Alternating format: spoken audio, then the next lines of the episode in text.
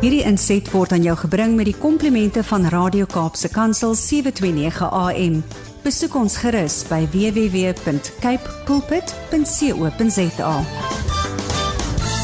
Let's go and take on this thing called life, this great adventure. I mean, could you ask for a better song to intro Yanni Pitter, mental coach, author, motivational speaker, plays good golf, and you should see him play tennis. Uh, today, you need to be listening if you are very busy doing things that you don't need to do in order to avoid doing anything that you're actually supposed to do. If you put the pro in procrastination, it's very important that you listen, not later, but right now. Môre Janie Pieter. Hallo Bradley, blikskorrel. Ek wil hierdie intro, hierdie Ja. woorde ek almal nou neerskryf. Ja. Ek sal vir jou stuur, hoor. Ja, man. Is lekker om met jou te praat Bradley daar in die Kaap. Wel lekker om by julle almal te kuier vanoggend. Ja, thanks. Ja, dis altyd lekker om saam met jou ook te kuier. Uh dis dit gister gereën, dit gevoel soos Julie. Vandag kry ons 'n bietjie van 'n September dag en wie weet wat ons môre gaan kry. Jy weet mos hoe werk dinge in die Kaap. Maar mense sukkel met hierdie ding. Ek weet nie wat is procrastination in Afrikaans nie, maar ons sukkel. Ons wil dinge doen, maar ons is nie lus nie. Daar's so baie ander dinge, so many distractions. Dan kom ons nooit by die dinge uit wat ons eintlik moet doen nie en dan is ons, ons altyd verskonings. Daai verskonings in die Afrikaans gaan procrastination, is die woord is uitstel en daar's 'n Afrikaanse spreekwoord wat sê van uitstel kom afstel. Aha.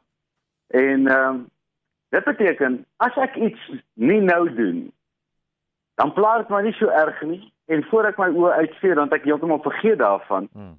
Maar dit was belangrik daai oomblik toe ek dit gesien het. Nou, die meeste mense Bradley ongelukkig lewe so. Ehm um, ek wil nie nou die die die ding raak sien wat ek moet raak sien want dit is net nou 'n bietjie ongemaklik. Ek wil dit nie nou sien nie. Want wanneer ek dit sien, dan beteken dit ek moet verantwoordelikheid daarvoor vat. So ek maak liewer my oë toe. Ehm um, en ek sien dit nie raak nie Hmm. en ek hoop dit verdwyn.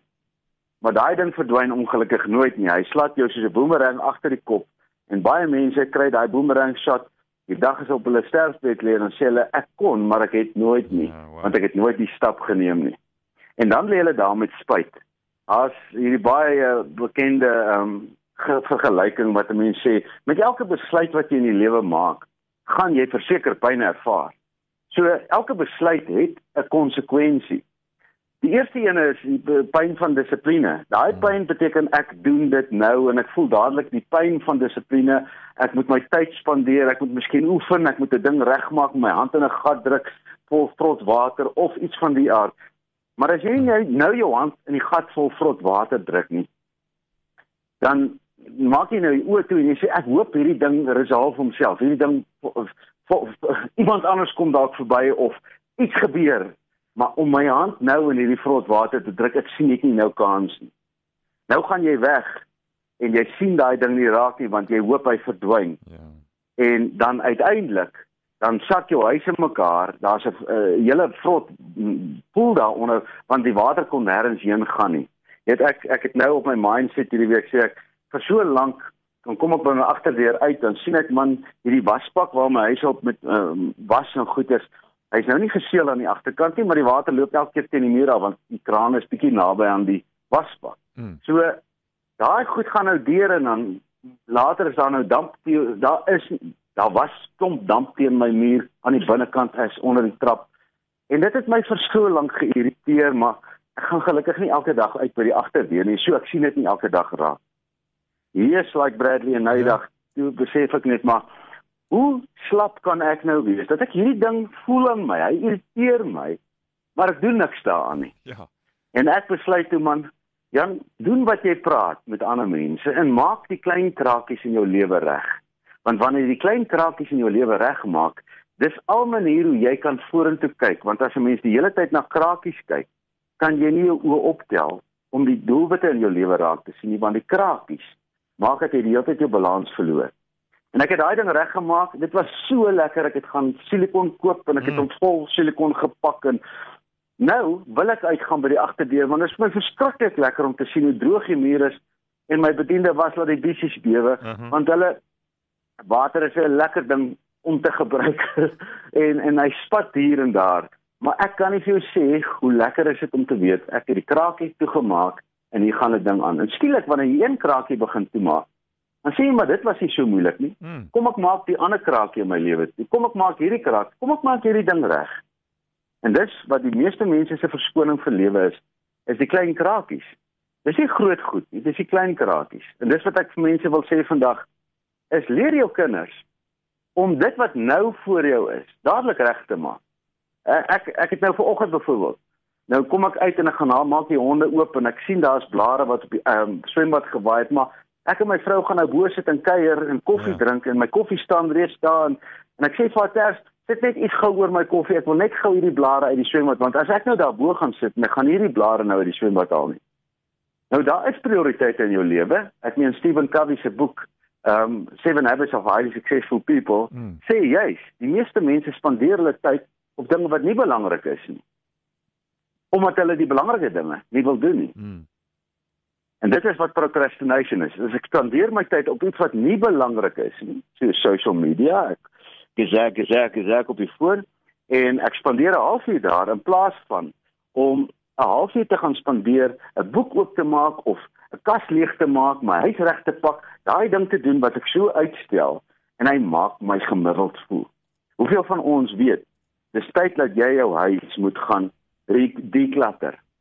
Hoeveel van ons se huise is vol gemors en jy leef maar met hierdie gemors saam, maar dit klatter jou mind. Dit dit dit maak jou nooit vry nie. En dit is wat uitstel is waar die meeste mense se mindset vandaan kom van gemiddeld is goed genoeg vir my. Want ek stel dit maar die hele tyd uit. Ek gaan dit eendag doen, maar net nie nou nie.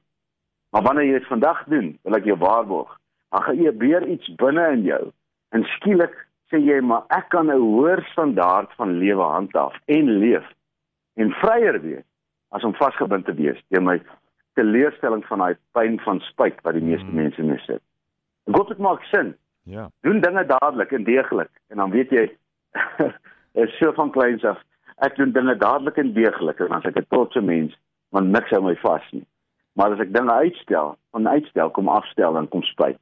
En ehm um, dis die keuse waarvoor ons staan elke dag. Yeah, that's beautiful, Yanni. And uh, I'm listening because I've got some. I do that sometimes. I was always one of those when I was much younger, Yanni. Ek het gesê, "Wat maak saak as ek dit vandag doen of aan einde van die week doen? Ek kan dit oor 5 dae doen of ek kan dit in cram op die laaste dag. Ek doen dit in elk geval, dan is dit klaar gedoen."